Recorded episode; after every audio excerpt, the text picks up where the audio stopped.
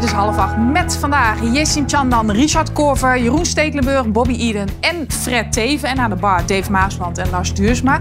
Fijn dat jullie er allemaal zijn. Bomvolle show met uh, veel inhoud. Uh, eerst maar eens, um, doen jullie nog vaker Skype? Nee. Teams? Nee. Teams wel. Teams, Teams ja, wel. Teams wel. Ja, pletter. Oh, lekker videobellen. En dan thuis? Uh, thuis niet zoveel op mijn werk. Ja, nou deze Roemeen, Roemeens uh, raadslid, die uh, dacht, nou ja, ik ga gewoon lekker teams doen thuis. Klein foutje maakte hij, want hij uh, was niet helemaal goed gekleed. Oh, jee. Domnul Burgou Marian Aurelian.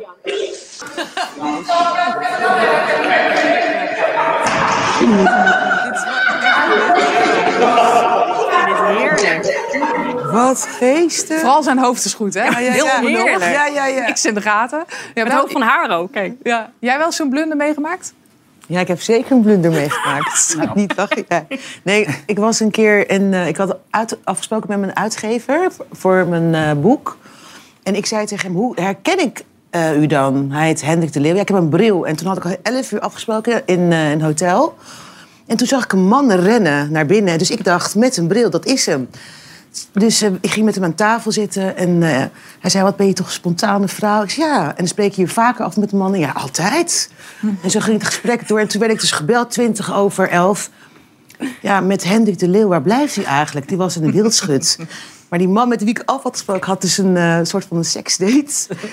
en, dus, en ik ben toen wel naar mijn uitgever gegaan. En die kon niet meer normaal met me praten. Die had alleen maar tranen van het lachen. Oh, en die man gedesillusioneerd weg. Die dacht, ik heb lekker beet, maar het bleek dus niet zo te zijn. Uh, nee, toch niet. Oh. Ik voel me niet meer lekker in de rol en dat past me minder goed dan vooraf gedacht. Dat waren de woorden vorige week van Shula Rijksman... nadat ze na acht maanden al haar ontslag had ingediend als wethouder van Amsterdam. Overigens kun je haar ook kennen als de grote baas van de NPO daarvoor. Vandaag werd nog maar eens duidelijk dat ze twee jaar wachtgeld krijgt... wat kan oplopen tot twee ton. Dus acht maanden werken, twee ton. Doet ze goed? Toch, Fred? Nou, ik weet niet of het het goed doet, maar het is wel een beetje veel wachtgeld voor uh, acht maanden werken. Maar het is wel wat ervoor staat. Hè? Uh, als je minder dan een jaar, dan, uh, dan, dan krijg je twee jaar wachtgeld. En als je, of als je langer dan een jaar werkt, dan kan je drie, maximaal drie jaar en twee maanden wachtgeld krijgen. Ja, ik zei het een beetje cynisch. Want je zei het een beetje cynisch. En maar... ik bedoel het ook cynisch, want ze heeft acht maanden, na acht maanden komt ze tot de conclusie dat dit niet is wat ze wil. Vind je, of vinden jullie dat zij hier gewoon ja. van moet afzien? Ja, maar jij ging toch, jij nam een baantje als een van de weinigen, toch? Ja, zeker. Maar de eerlijkheid gebied me wel te zeggen. Ik ben wel gelijk gaan, uh, redelijk snel gaan werken, maar ik kreeg wel een aanvulling op mijn wachtgeld. Nee, oké, okay, maar je, hebt, je, toont in ieder geval je goede wil. Want je, je, je ging toch bus, buschauffeur? Dat doe ik nog steeds. Ja, alleen niet meer. Uh, nee, maar goed, maar dat, dat, straalt wel iets anders uit, toch? Als je ja. dan wel je tijd invult om. Maar, maar goed, dat kan zij ook gaan doen. Hè? Misschien gaat zij ook wel gewoon Het is echt veel geld. Maar vind je dat ze er vanaf moet zien? Zou dat chic zijn? Nou, kijk, uh, uh, het is een beroep. Normaal gesproken, als je iets gaat doen in de politiek in Den Haag... met een heel uh, groot afbreukrisico. En het kabinet kan ook zomaar over zijn. Dus als jij goede mensen wil hebben... en je komt uit een goed betaalde baan in het bedrijfsleven... dan moet er denk ik wel zoiets tegenover staan. Omdat, omdat anders heel weinig mensen eraan beginnen. Dat dat soms leidt tot situaties die niet zo wenselijk zijn. En dat dit daar één van zou kunnen zijn, dat is wel duidelijk. Ja. Alleen dat het bestaat, dat kan denk ik niet anders. Ja, maar... nou ja, twee jaar. Ja, twee jaar. Ik denk wel dat, je, dat, dat de regeling wel anders moet. Dat je wil ook uh, mensen uit de politiek stimuleren dat ze sneller gaan werken. Waarom nou, maar dat ze... gebeurt ook. Hè. Je, het, is, ja. het, is, al zo dat je, je hebt een sollicitatieplicht. Hè. Als je uit de politiek gaat, je moet wel solliciteren. Zij moet ook wel gaan solliciteren. Het is niet zo dat Ze heeft sollicitatieplicht. Zeker, dat heeft zij. En dat hebben ook al Kamerleden en ex-bewindspersonen hebben dat ook. Je moet wel solliciteren. En het is ook helemaal niet moeilijk natuurlijk ja, om op dit moment... wordt aangenomen. Nou, zij wordt... van, ik heb daar een sollicitatie gedaan. Dat doen natuurlijk mensen doen dat nu ook. Het probleem is natuurlijk altijd een beetje, ze wordt wel ergens aangenomen. Maar dan ga je wel eens, vaak natuurlijk wel aanzienlijk wat minder verdienen. En dat doen mensen dan niet altijd. En dan ontstaat er weerstand in de samenleving. Maar waarom is het wachtgeld zoveel? kan toch ook veel minder? Nou, hij is wel ja. enorm versoberd hè, sinds 2015. Het is behoorlijk versoberd. Het is in tijd versoberd en in hoogte versoberd. Het, is, het eerste jaar is het geloof ik 80% en daarna ga je naar 70% van je laatst verdiende bruto salaris. Maar uh, ja, het, is, het is wel een onderwerp wat altijd veel weerstand geeft. Dus je doet er gewoon handig aan als ex-politicus om zo snel mogelijk aan het werk te gaan. En uh, nou, dat kan ook best natuurlijk in deze tijd. Ook zij kan wel een baan vinden. Aan de andere kant zat ik ook nog te denken van... moet er niet een piramide zijn? Want dit is natuurlijk lokale politiek. Wat wel voortvloeit in, in het landelijke. Maar dat is toch wel net even iets anders dan dat je... Nou ja, je kan, je kan ook zeggen wethouder in Amsterdam. Dat is ingewikkelder dan uh, Kamerlid, uh, backbencher bij, de, bij, de, bij, de, VVD op nummer 30. Dat, ja. dat, kan je ook zeggen natuurlijk. Ja. Hartstikke goed. Overigens, wist jij dat ze ooit een vriendin is geweest van Henk Krol? Ja, dat heb ik wel eens gehoord. Ja, dat heeft hij laatst gezegd. Ik was helemaal verbaasd. Henk Krol met Sula Rijksman. Stel je even voor. Ik had er, ik had er niet meteen een beeld bij, maar het, het kan. nee, laat maar zitten. Het zal je maar gebeuren. De sexy naaktfoto die je hebt verstuurd... verschijnt opeens online. Gelukkig is er voor kinderen, eigenlijk iedereen onder de 18 natuurlijk... een nieuwe tool die hun pikante foto van het internet verwijdert. Are there nudes of you online? You're not alone. Naaktfoto's van tieners die online circuleren. Het is een probleem dat levens kan verwoesten. Hij realiseert zich niet wat voor een uh, impact dat heeft op al die meisjes die uh, hierbij betrokken zijn. Mijn dochter was uh, echt aangeslagen en verdrietig. Ja, het is verschrikkelijk. Maar vanaf vandaag is daar een oplossing voor. Facebook-owner Meta is funding a tool aimed at reducing revenge porn on its platforms. It's called Take It Down. Take It Down maakt van elke naaktfoto een soort digitale vingerafdruk die in een database terechtkomt. Techgiganten die zich bij het project hebben aangesloten halen de beelden vervolgens offline. We can help you move forward. Is dit het einde van online seksueel misbruik? Bobby, hoe kijk jij hiernaar? Nou, ik denk dat dit helemaal niet het einde is. Dat is wel een heel leuk spookje. Ik denk wel, als de tool echt zou werken in theorie, klinkt dat allemaal heel leuk. Uh, maar ik denk dat natuurlijk zeker WhatsApp doet ook volgens mij nog helemaal niet mee. Mm. Dus dat kan blijven doorgaan. En ik denk dat dat altijd uh, uh, het seksueel misbruik online, dat dat al, altijd zal doorgaan. Ik denk totaal niet dat dit echt gaat werken. Het zal een kleine belemmering opleveren. Mm -hmm. Maar je kan natuurlijk daar ook mensen... Jij kan natuurlijk zeggen, het is volgens mij een digitale hand, uh, handdruk. Jij gaat het even allemaal zo uitleggen. Oké. Okay. Dan kan jij natuurlijk zeggen, ja, dat is een foto van mij... terwijl dat helemaal misschien niet jouw foto is. Dus daar kan je ook andere mensen natuurlijk mee schaden. Ja. Maar ik vind het wel belangrijk dat voor kinderen... en zeker minderjarigen, uh, dat daar wat aan gedaan wordt natuurlijk. Want hebben jullie wel zorg gehad voor de mensen die kinderen hebben... dat dit je kind overkomt?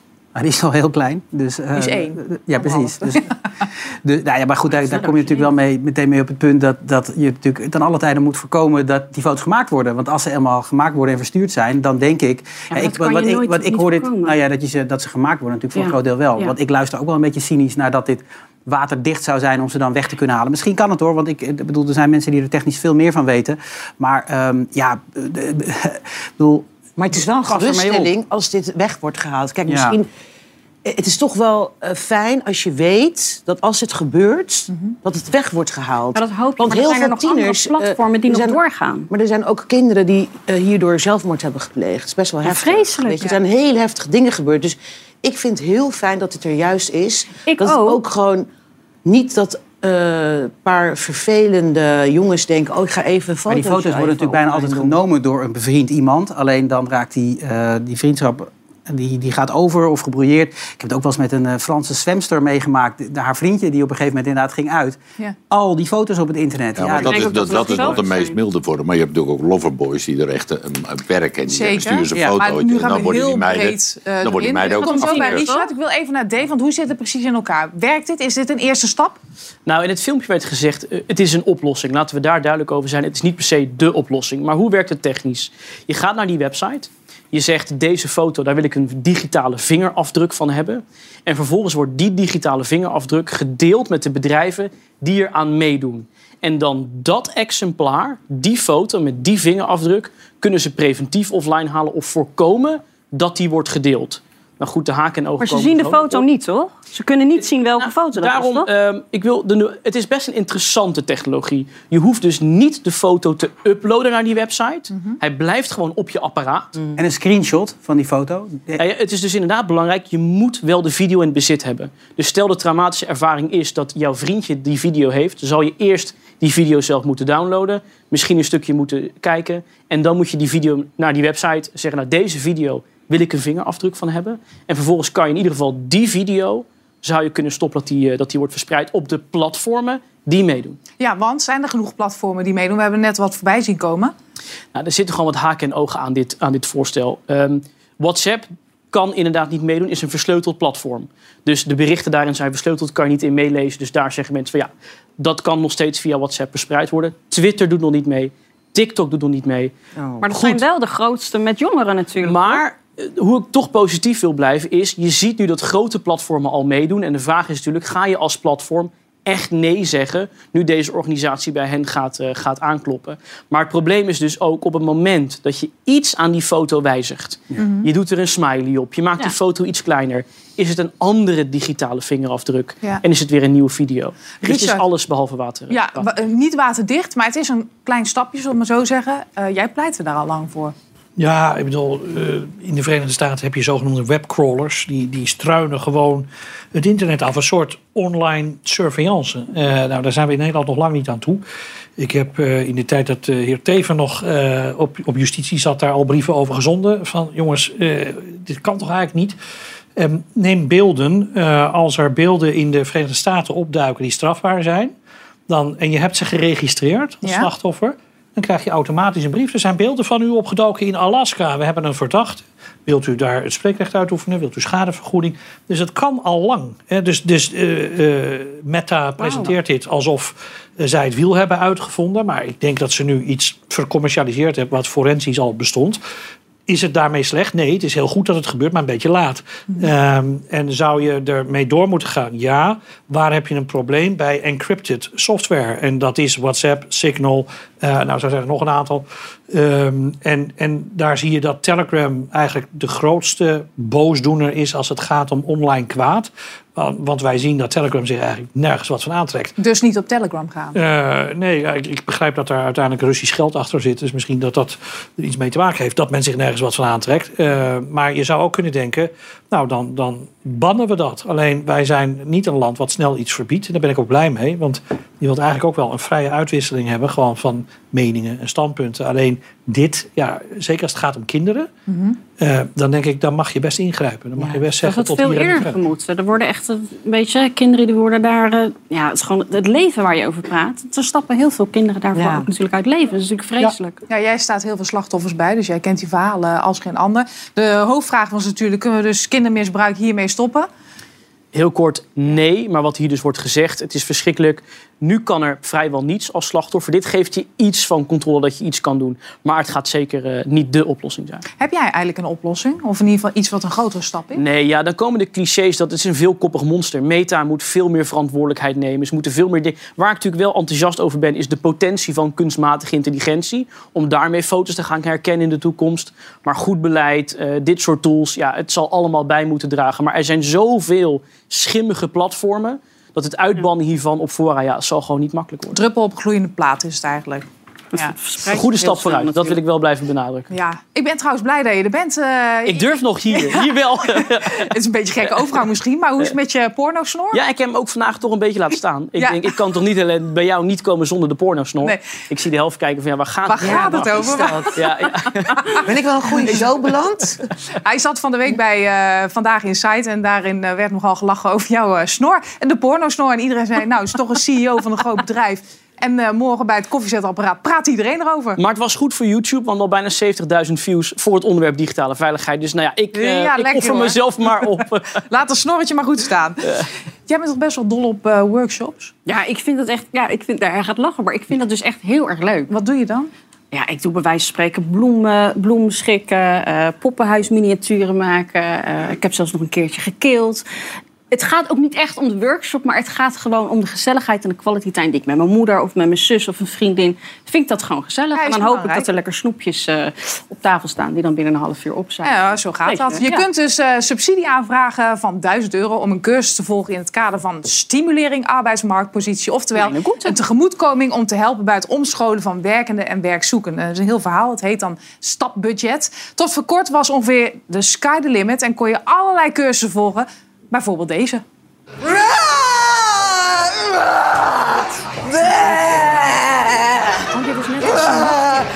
Ik haat iedereen.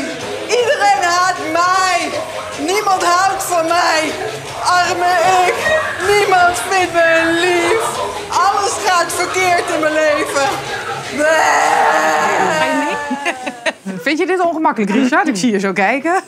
Nou, nee, ik, ik, ik, ik, ja, als je dit nodig hebt, dan is het een mooie uitlaatklep. Het voorkomt misschien misdrijven. Het zou ja. kunnen. Ja, nou, het gesticht is inmiddels gesloten. Eh, verder, nou, dat is een heel flauw grapje. Verder had je vage of hobbymatige cursussen als kwantumhypnose, op zoek gaan naar jezelf in Parijs, mindfulness op de fiets, aromatherapie, moeiteloos manifesteren en deze cursus edelsteentherapie.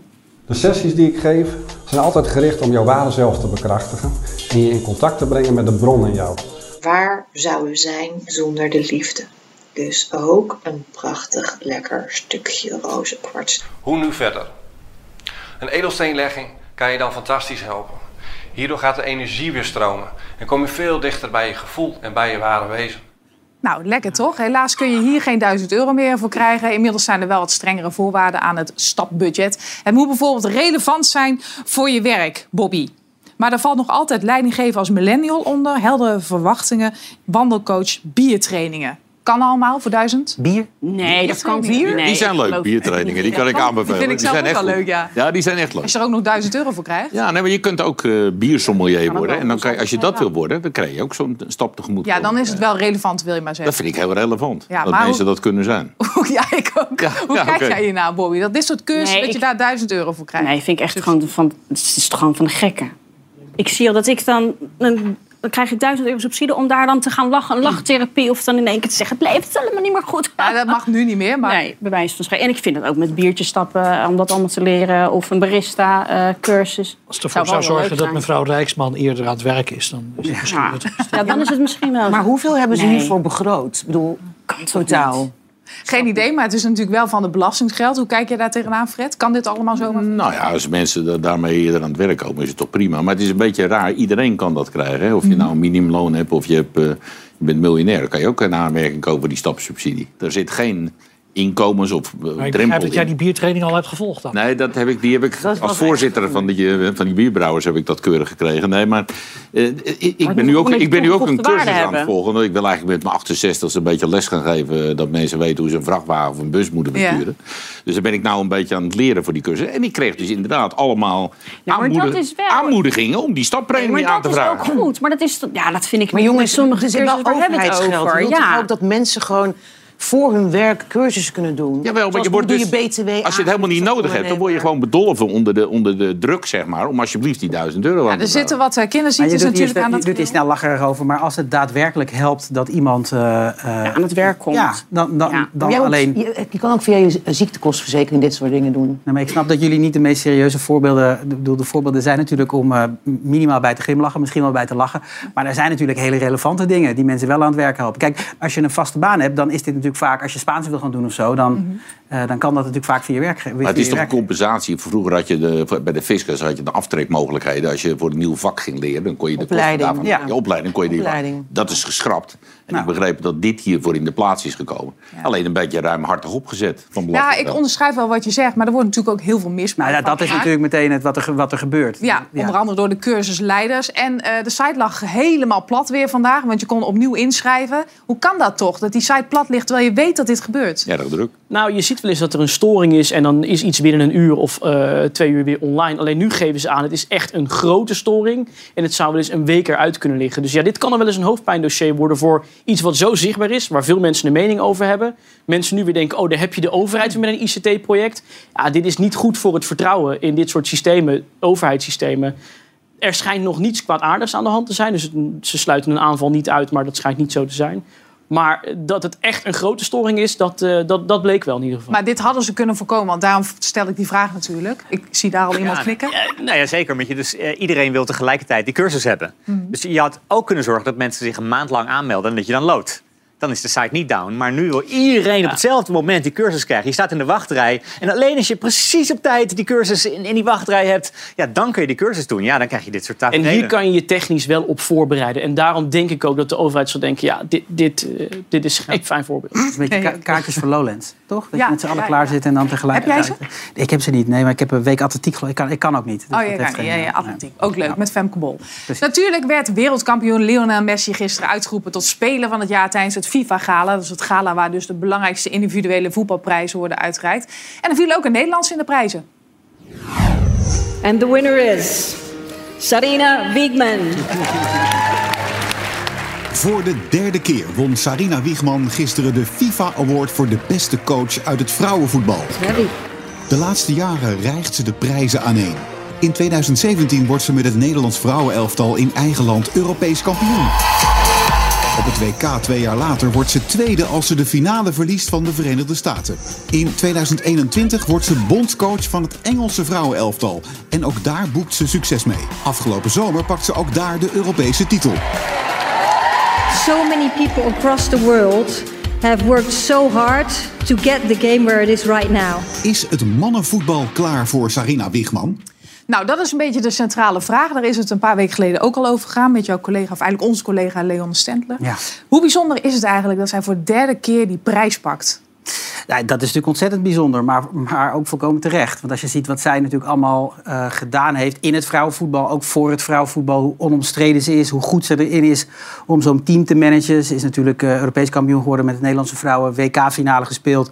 En nu bij, in Engeland heeft ze eigenlijk ook eh, in hele korte tijd dat allemaal naar de hand gezet. Dus ja, zij staat eh, in ieder geval de laatste jaren wel eenzaam aan de top in het vrouwenvoetbal. Dus, dus heel knap. Ja, goed, en dan zal je nu naar de vraag gaan. Eh, moet ze Is naar zij klaar voor mannenvoetbal? Ik heb er wel een mening over, jij ook. Nou, nou ja, kijk, ik vind het vooral ook. eh, volgens mij stopt de discussie al wel een beetje als je af gaat vragen wat zij wil. Ik heb dat wel eens aan haar gevraagd. Ehm, dat, ik heb het WK van 2019 gevolgd voor de NOS, het, eh, het WK Vrouwen toen in, eh, in Frankrijk. Kijk, en zij zegt: Mijn wereld is de vrouwenvoetbalwereld. In ieder geval nu. En dat is al wel een tijd geleden. Maar ehm, het- het- het- kijk, wat is nou een promotie voor Sarina Wiegman? Want zij is bondscoach van een van de beste landen van de wereld. Ze is in eigen land is ze, is ze Europees kampioen geworden. Ze, ze gaat naar het WK als een van de kanshebbers eh, volgend jaar. Wat is voor haar een promotie als ze naar het mannenvoetbal gaat? Nou, dan moet je niet denken aan een, aan een, eh, een ploeg uit de keukenkampioen-divisie of een, of een middenmotor in de eredivisie. Dan zal ze naar een, ja, in ieder geval minimaal subtopper, bijna topper moeten, moeten in de eredivisie. Dan, dan, dan zijn er nog maar heel weinig banen over natuurlijk. Dus zij zit geweldig daar. Ze zei toen ook heel eerlijk, ja, ik volg niet week in, week uit het mannenvoetbal. Dus als ik dat ga doen, ja, dan zal ik me daar echt wel in moeten gaan verdiepen. En dat is gewoon een heel andere baan. Dus ergens, eh, Ja, ik, vind uit. heel goed. Een maar heel andere baan. Waarin? Met name niveau. Nou, Niveauverschil. Niveau, maar ook gewoon, eh, je, moet, je moet ook weer alle spelers leren kennen. Ik bedoel, eh, als je nu eh, technisch directeur of trainer van Ajax bent, dan weet je een beetje wat er te halen is natuurlijk. Dan weet je wat er is bij, wat de talenten zijn bij, bij Groningen, bij, bij al dat soort clubs. En zij werkt al jaren in het vrouwenvoetbal. Dat doet ze fantastisch, maar dan is die overstap, net als de overstap andersom heel moeilijk is, is ook deze overstap hartstikke moeilijk. Ja, hoe kijk jij daarnaar, Fred? Jij bent een voetballiefhebber, puur zang. Ja, zeker. Nou ja, ik denk, ik denk dat qua- qua kwaliteit hebben ze natuurlijk al lang bewezen dat ze, dat ze de top heeft bereikt. Maar ik ben wel De top eens. van het vrouwenvoetbal. Ja, zeker. Maar dat betekent dat ze inderdaad wel eh, ook eh, in de Eredivisie toch wel de bovenste vijf clubs dan een baan zou moeten krijgen. Meen je het nou? Ja, ik denk het wel. Zij, zij, zij heeft wel uit, uitzonderlijke kwaliteit. En waarom zou zij nou slechter zijn dan Ron Jans die vertrekt bij Twente? Misschien is het een goed idee voor FC Twente Maar, om maar, eh, haar... maar eh, denk jij er heel anders over? Ik Bedoel, Ja, ik denk er wel anders over. Ja. Ja? Waar- waar- Nou, omdat het dan? niveau van eh, eh, de vrouwen, van het Nederlands vrouwenelftal, is echt veel lager als je dat vergelijkt. Dat moet je niet vergelijken, dat weet ik ook wel. Maar ik maak hem toch eventjes met het mannenvoetbal. Dus ik vind het echt bizar. Dus zou hetzelfde betekenen dat je iemand van, eh, de, van een B-elftal, huppakee, in één keer voor het eerste zet Ja, maar- van maar zij heeft toch- zij heeft Ja, dat, ook. dat hebben ze bij Ajax bijvoorbeeld gedaan. eh, gewoon, dus dat, dat kan ook. Ja, maar heeft ook nog wel wat maar, maar zij heeft ervaren wat het is om op het allerhoogste niveau met een vol Wembley een wedstrijd te redden. Dat is wel wat anders dan een B-elftal natuurlijk. Ik twijfel er niet Maar er aan. komen dat- toch hele andere krachten los bij een Zeker. mannenteam. Maar ik, ik twijfel er niet aan bij haar dat ze de, de managementkwaliteiten heeft. Eh, en dat ze een team kan leiden. Weet je, dat heeft ze bewezen. En team vrouwen, dat, daar heb je gelijk in. En natuurlijk heb je te maken met acceptatie. Maar iemand zal de, de eerste op dit niveau moeten zijn. In ieder geval in Nederland. Maar ik heb er geen verstand van. Maar mannen zijn toch heel anders dan vrouwen dan? eh, uit, natuurlijk over het algemeen. Mannen zijn wel anders dan Dat vrouwen. bedoel ik. Dus Nee, maar neem goed, aan. dat is een mooie bijdrage. Uiteindelijk, Ja, hè, nee, en ik hoop dat het is over- toch in de sport toch helemaal? ik heb er geen verstand van. Ja, maar goed, bij, bij, er, zijn best veel sporten waarbij eh, het, het eh, normaal is dat een man een vrouw coacht. Of een vrouw een man is wel veel minder gangbaar. Maar dat gebeurt wel natuurlijk. Voor mij in het handballen is het, eh, is er, ja, zijn er vrouwencoaches een keer voorgekomen. En bij individuele sporters gebeurt het wel. Alleen voetbal is natuurlijk een, een conservatief Maar bolwerk. het is toch ook een Maar- goed, eh, goed leiderschap is toch ook heel belangrijk. Hebben we het toch ook gezien met, eh, met Ajax, met Ten Hag bijvoorbeeld. En nu wat er met Feyenoord gebeurt. Dus waarom zou zij het niet kunnen doen? Ik ben nog niet overtuigd eh, waarom dat niet zou kunnen doen. Want waarom zou zij, want zij heeft bewezen, ze is een enorm goede leider. Nee, ik ben het met je eens. Dus Alleen, leiderschap is ik, alles Ik voor weet niet of, het, eh, of, of de, de voetbalwereld er nu klaar voor is. Dat, dat, Waarom zou de gaat een keer voetbalwereld niet klaar voor Nee, zijn? nou ja, de voetbalwereld heb ik Anno het over. 2023. We gaan weer even naar jou. Vrouwelijke scheidsrechters op topniveau. Dat gaat Vertel. Maar de vraag is toch niet alleen of zij er klaar zijn, maar inderdaad zijn die eh, conservatieve mannen in de mannenwereld daar klaar voor. En ik hoop dat dat, dat, dat zo is. Mm. Hè? Maar als je kijkt naar het mannenvoetbal, ik denk dat er weinig werelden zo conservatief zijn. Als het mannenvoetbal, als je, er durft niemand uit de kast te komen. Het is groot nieuws als er één voetbal een keer uit de kast komt. Het is het meest conservatieve Maar bolwerk misschien wat er gaan is. voetballers uit de kast komen als zij eh, eh, aan de leiding staan. Wat wel goed ontvangen is, hè? want het is twee weken geleden gelukkig. gebeurd. En gelukkig is die met een staande ovatie... De, de Tsjech, in eh, de Tsjechische competitie was het. En die is met een staande ovatie ontvangen toen die... Ja, maar Jeroen, daar moet ik toch ook iets over zeggen. Sorry, ik moet eigenlijk heel mijn mening niet geven. doe maar. Jawel. dan gaat hij een. eh, wat ik jammer vind, is dat er dan zo'n videootje wordt geplaatst. En dan wordt het heel dramatisch gemaakt dat hij uit de kast komt. En Maar dat is de wereld waar we nu in leven. moeten Ik Zijn. bedoel, het zou normaal zijn als er... bedoel, hij heeft het voor de volgende een beetje normaler gemaakt. Maar we wisten dat degene die dat als eerste zou doen... dat die een behoorlijke eh, drempel over zou moeten. En dat geldt ook voor eerste vrouwelijke coach in het mannenvoetbal. Dat gaat natuurlijk ook... Maar het gebeurt ook bij andere sporten. Rugby bijvoorbeeld is ook een sport. Daar komen nu ook gewoon eh, spelers uit de kast. Waar Ja. iedereen eh, vijf jaar geleden dacht... nou, dat is eh, de grootste stoere bink die er in Nieuw-Zeeland rondloopt. Nou, dat is het nog steeds. Eigenlijk is hij veel stoerder door dat gewoon te doen. En dat gebeurt ook gewoon in zo'n sport. Nou, gelukkig komen ze uit de kast. Dat is ook belangrijk. Nog even een vraag. Want Nee, je moet gewoon bij het kunnen feit dat wie je- zij je zo eh, prestatief zo goed is, dat, die, dat ze die prijzen wint, is, betekent dat ook een spin-off voor vrouwelijke ehm trainsters die zich aanmelden voor de hoogste cursus In Nederland? KVB? Ja. Nee, zijn er heel weinig. Zijn er heel weinig. Eh, Ook, ook eh, KVB is daar wel eh een inafslag i- in aan het maken. Maar ze hebben, dat, ze hebben natuurlijk toegangs, toe- toelatingseisen. Dat was niet zo makkelijk om erop te komen. En, en de eerlijkheid gebiedt ook te zeggen dat, dat er dat ook niet zo heel veel zich aandienen. Hè. Er is één hele goede. Jessica Torni was een beetje beoogd opvolger van, opvolgster van Serena Wiegman. Die is nu hoofdcoach bij, bij Feyenoord. Die, ja, dat, dat, dat was nog te vroeg voor haar. om, Feyenoord eh, vrouwen. Ja. Feyenoord vrouwen. Ja, het was nog te vroeg voor haar om bondscoach van de vrouwen te worden. Maar het is, nog, het is nog weinig. Dus misschien dat er wel eerst aan de onderkant van de piramide meer moeten komen. En, dan, en dat dan op een gegeven moment eh, de tijd de, de Eredivisie wel rijpt. Er zijn er vier met het eh, hoogste diploma. Ehm, even iets anders, want eh, die prijzen werden uitgereikt, maar er werden nog meer prijzen uitgereikt. En toch wel hele mooie. Ja, deze.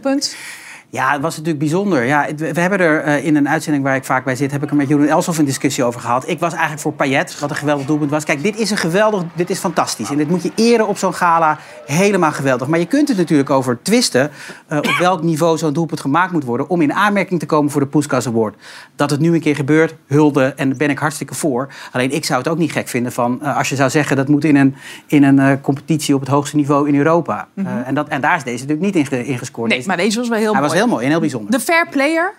Ja, daar had ik wel, daar, dat was wel een bijzonder, bizar beeld. Togoshvili, eh een Georgië, je moet boven in het beeld kijken in het rondje. Hij ziet wat er gebeurt en hij rent naar eh, de speler die er ligt, een Oostenrijker. Die heeft zijn tong ingeslikt. Die heeft een botsing gehad, schedelbreuk. En ik moest heel erg terugdenken. Ik weet niet wie, of iemand zich dat hier kan herinneren. Maar Donadoni overkwam dit ooit een keer. Ja. En ik was toen eh 14 of zo. Dit heeft zo'n indruk gemaakt op mij. Ja, en dit ook. Dit, dit, dit eh, overstijgt voetbal natuurlijk. Deze jongen redt een leven. Ja, dat je meteen bedenkt dat je dat moet doen. Hartstikke goed. Ja. Terechte winnaar ook. Ja. Hey, hoe denk je dat Louis van Gaal eh, vanochtend wakker is geworden? Ik hoop voor hem met een kater. Toch? Hij denk, kijk eens, denk je dat hij blij was? Denk je dat hij hem om heeft gehouden? Eh, nou, ik, denk, ik weet niet of hij hem op heeft gehouden. Ik denk wel als hij wereldkampioen was geworden... dat hij, dat hij zo met de beker... Dat, nou, misschien de tweede nacht, dat de eerste nacht Virgil van Dijk met dat ding in bed was gaan liggen. Ja, hij is geëerd gisteren. Hè. Hij is eh, bondsridder geworden bij de KNVB. En helpt Ja. me even officier in de... Officier in de orde van Oranje. Ja, precies. Grote eer. Ja, natuurlijk volkomen terecht. Dat is voor, de, voor het afgelopen anderhalf jaar... hoe hij het Nederlands elftal eh, heeft geleid. Maar vooral natuurlijk voor zijn, eh, voor zijn hele carrière. Hartstikke mooi. Maar ik, ik ging eventjes op zoek en ik zag eh, Rinus Michels natuurlijk. Eh, maar ik zag geen advocaat en geen Hiddink. Nee, ja, ik denk toch dat, eh, dat je... Want als je bij de meeste gaat kijken dan... Hè, want wel Michels, geloof ik, en wel ehm eh Kruif... dat Mhm. je twee keer iets gedaan moet hebben. Want het is de tweede stap in... in offici- officier is de tweede stap. Ja, eerst ridder. Dus Michels heeft in 74 eh, eh, stap 1. Ja. En in 88, toen hij Europees kampioen werd, stap 2.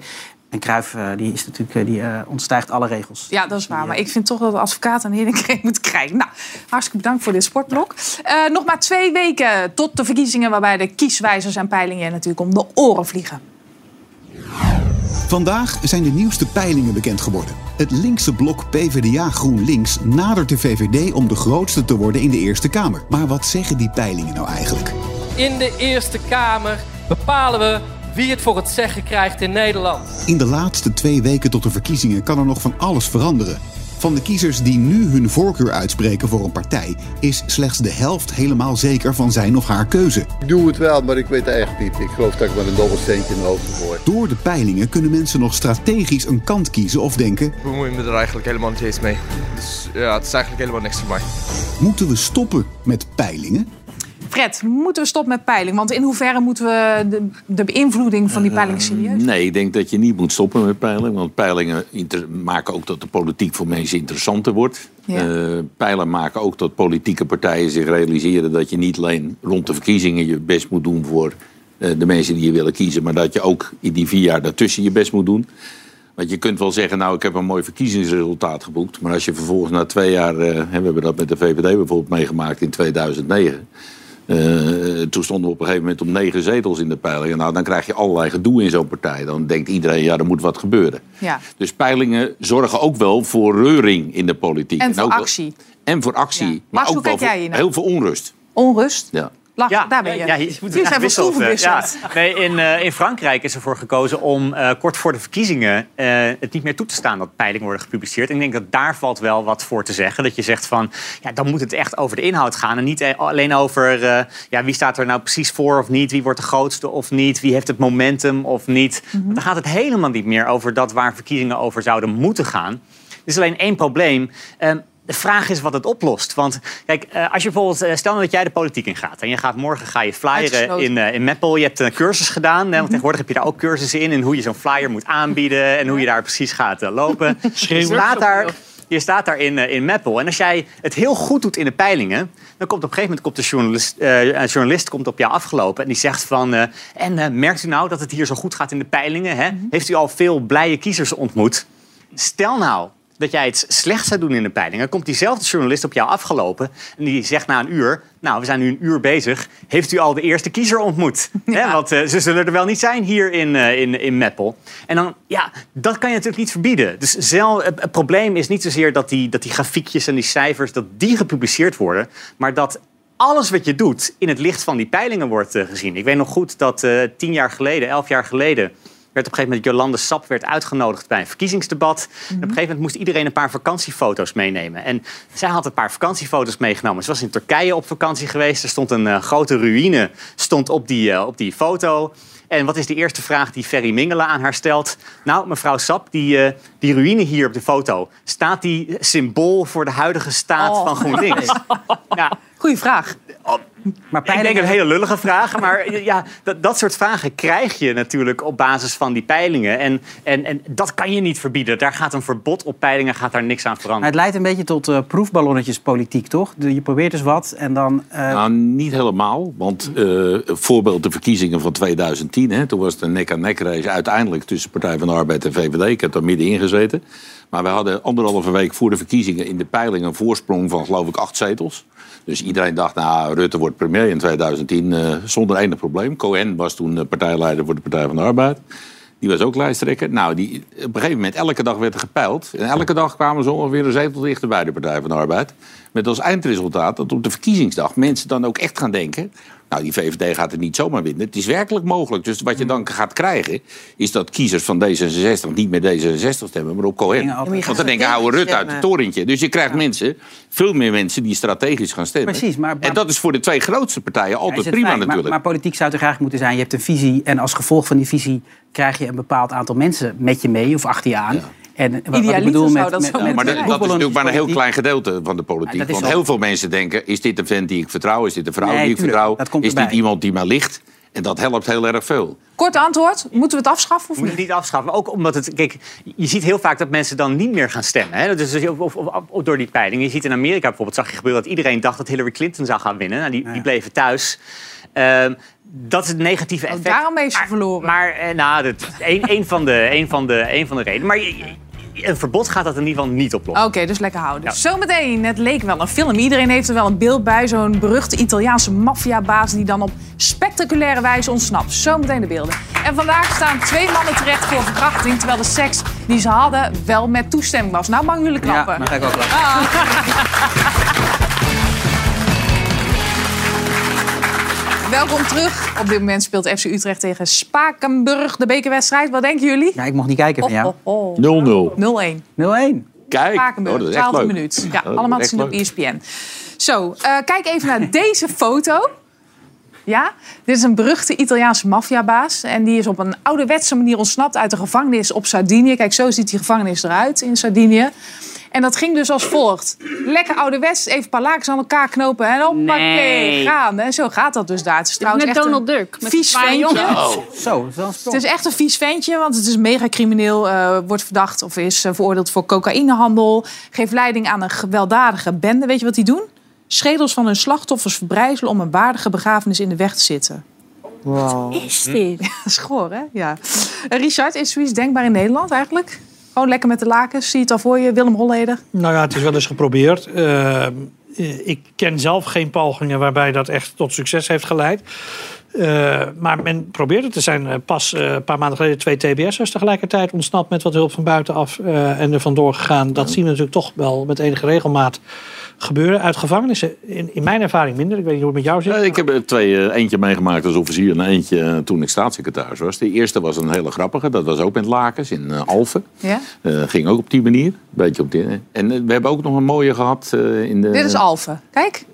Zijn behoorlijk wat hoor. Ja, ja. Dat is Maar wat leuk, doen hè? dan de bewakers? Zijn En de, twee, en de tweede was, eh, was in Tilburg. Met een tunnel onder de binnen- en de buitenmuur doorgegraven. Shawshank Redemption. En dat was wel een hele mooie. Ja. Zeven meter tunnel. Om, eh, Hoe dan lang aan- waren ze daarmee bezig geweest? Nou, ze waren ze heel lang mee bezig. En hij was bijna klaar en toen werd de tunnel ontdekt. Dus dan baal je natuurlijk als een stekker van. Dat vind ik nou Want, weer eh, mooi aan het verhaal. Maar het is niet strafbaar. Hè? Dus ontsnappen als je een tunnel graaft. Want je gaat er zoals in Italië met lagers uit. En je, wordt, eh, en je gebruikt geen springstof. En je bedreigt niemand. Je koopt niemand om. Is dat niet strafbaar. Je mag gewoon de drang naar de vrijheid op zich is niet strafbaar. Alleen als jij degene bent als Richard dan als advocaat die lakens naar binnen zou brengen. in Die gevangenis in Italië. Is Richard wel strafbaar. Dat doet, hij, dat doet hij natuurlijk niet. Maar stel dat hij dat zou doen. Maar Je is krijgt een dan niet de straf daarop. Dat het zo makkelijk kan. Ik bedoel, met lakens naar buiten gaan. Ik bedoel, het is toch best wel Nee, dat zeg ik. Ze bizar. Candy Crush Ik bedoel, dan zijn ze toch zo? Hoe kan dit nou? Ja, het is, dus, eh, er zijn in Nederland ook wel voorbeelden in TBS-klinieken en gevangenissen waar dus langdurig geveild wordt aan tralies. Die worden een beetje omgebogen. En als je dan een beetje slank bent, dat was deze man niet, maar stel dat je een beetje slank bent, Ja. dan pas je erdoor. En dan ga je met lakens naar buiten. Er zijn ook hele gewelddadige ontsnappingen. Vught is nog nooit iemand uit ontsnapt, toch? Nee, De EBI. Nee, Ja, dat is nog nooit iemand Ik, vind het wel, ik, ik heb dat wel allemaal gegoogeld en dan zie je die foto's, zie je, zie je een huisje in, in dat complex en er staan allemaal losse huizen. en Ja, en kooien, vier kooien. ja dat is wel, ik vind het wel fascinerend om te zien Ja, hoe ik dat vind het ook eruit ziet. fascinerend. En ik doe er net een beetje lachen over. Maar inderdaad, het kan wel met alle gevolgen van dien zijn. Zeker als Maar ze hebben hem niet TBS. gevonden nog. Die gozer, die, Ja. dat vieze ventje. Ja. Nee, ik heb geen idee. Maar ik vond dit op zich al eh, aandachtswaardig. Ja. Zie jij trouwens veel parallellen met de Italiaanse maffia in ons land? Nou ja. Want dat wordt wel eens gezegd natuurlijk. Je, je ziet natuurlijk wel een soort explosie van geweld eh, gaan. Je ziet voortgezet crimineel handelen vanuit gevangenissen. Ehm, en dan gaan er allerlei Kamerleden en ministers en zo... die gaan dan in Italië op eh, bezoek. Maar dan denk ik wel, ja jongens, het is niet te vergelijken. Hè? Eh, Nederland is ongeveer één provincie van Italië. Neem alleen dat gegeven al. Dus de, de schaal waarop je daar mensen weg kunt zetten... en in een heel zwaar beveiligd regime... het EBI-regime is al meermaals door het Europees Hof voor de Rechten van de Mens van bevonden... dat dat toch in strijd is met bijvoorbeeld het martelverbod. Ehm, dus denk dat we ook wel een beetje moeten Is ook uitkijken. een beetje aangepast toen, hè? Ja, dat is aangepast. Ook door de terecht. toenmalige staatssecretaris Ja. heeft het toen een beetje aangepast. Ja. ja nee, oké. was een goede man. Maar eh, eh, je, je krijgt wel dat je denkt Fred. van, van je moet toch nadenken over als maatschappij hoe wil je hiermee omgaan. En als je je hele rechtsstaat uitkleedt, want dat gebeurt eigenlijk op alle fronten. Hè. Te weinig politie, te weinig officieren, te weinig rechters, sociale advocatuur eh, compleet kaal geplukt. Ja, wat, wat voor land hou je over? Waar ga je dan in leven? Eh, en als dat een land wordt waarin ja, dit soort dingen gemeengoed zou worden, eh, dan denk ik dat de meeste mensen daar niet voor bij het kruisje willen tekenen. Maar goed, je kan wel toe naar een land, dat was wel een goed idee, waar je mensen, zoals je in Italië doet, niet meer verplaatst voor een zitting. Dus Ja. je laat de advocaat in de gevangenis komen, de rechter in de gevangenis. En je doet die hele zware zaken, geen verplaatsingen meer hier over de Piet Heinkade met eh, sirenes. Maar gewoon eh, in de gevangenis zo'n strafzaak afdoen. Dat is natuurlijk een heel goed En over manier van werken. rechtszaak gesproken. Trouwens, ik werd een beetje afgeleid door jouw armband. Is dat zwaar, die bal? Nee, heel licht. Een licht, licht eh, armbandje. Ja hoor, Ja. ja, het springt in het oog. Eh, Heeft het een bepaalde betekenis? absoluut niet. Nee, dat is gewoon mooi. Maar de ring hoort er wel bij. Dat is wel... Die is later gemaakt. Eh, Ja, Kan nou, je daar een ketting op aansluiten? Ja, bijvoorbeeld. Ah, we hebben nu aandacht voor een zaak eh, die we eigenlijk gewoon nog niet eerder hebben meegemaakt. Voor het eerst staan vandaag twee mannen terecht omdat ze tijdens de seks het condoom hebben afgedaan zonder dat hun bedpartner dat wist. Dit verschijnsel heet stealthing en het komt vaker voor. When you make them think that you're putting one on and then you don't. Stealthing is een misdrijf dat nog niet in het wetboek van strafrecht staat. Toch staan er nu twee mannen in afzonderlijke zaken voor terecht. Ze zijn aangeklaagd voor verkrachting, omdat het zou gaan om gedwongen, onveilige seks. De officier van justitie eist een gevangenisstraf van 12 maanden. Verkrachting binnen het huwelijk is ook pas in begin jaren 90 strafbaar gesteld in het wetboek van strafrecht. En ik hoop echt dat wij hier een paar jaar later op terugkijken en dat we denken: jeetje, wat is die stelting pas laat, laat als verkrachting gezien? Is het afdoen van een condoom tijdens de seks verkrachting? Bobby? Ik vind verkrachting hiermee een heel groot woord. Omdat je samen wel instemt om natuurlijk eh, seks te hebben. Maar ik vind het wel echt wel kwalijk als iemand expres, als jij denkt dat iemand een condoom om heeft, dat af gaat doen. Dus dan vind ik het wel een soort van misbruik.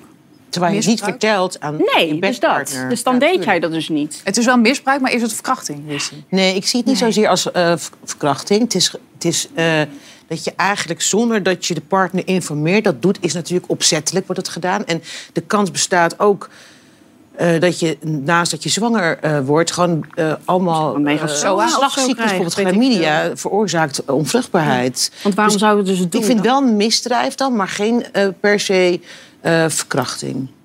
Volgens het OM is het wel verkrachting, eh, Richard. Kan je dat volgen?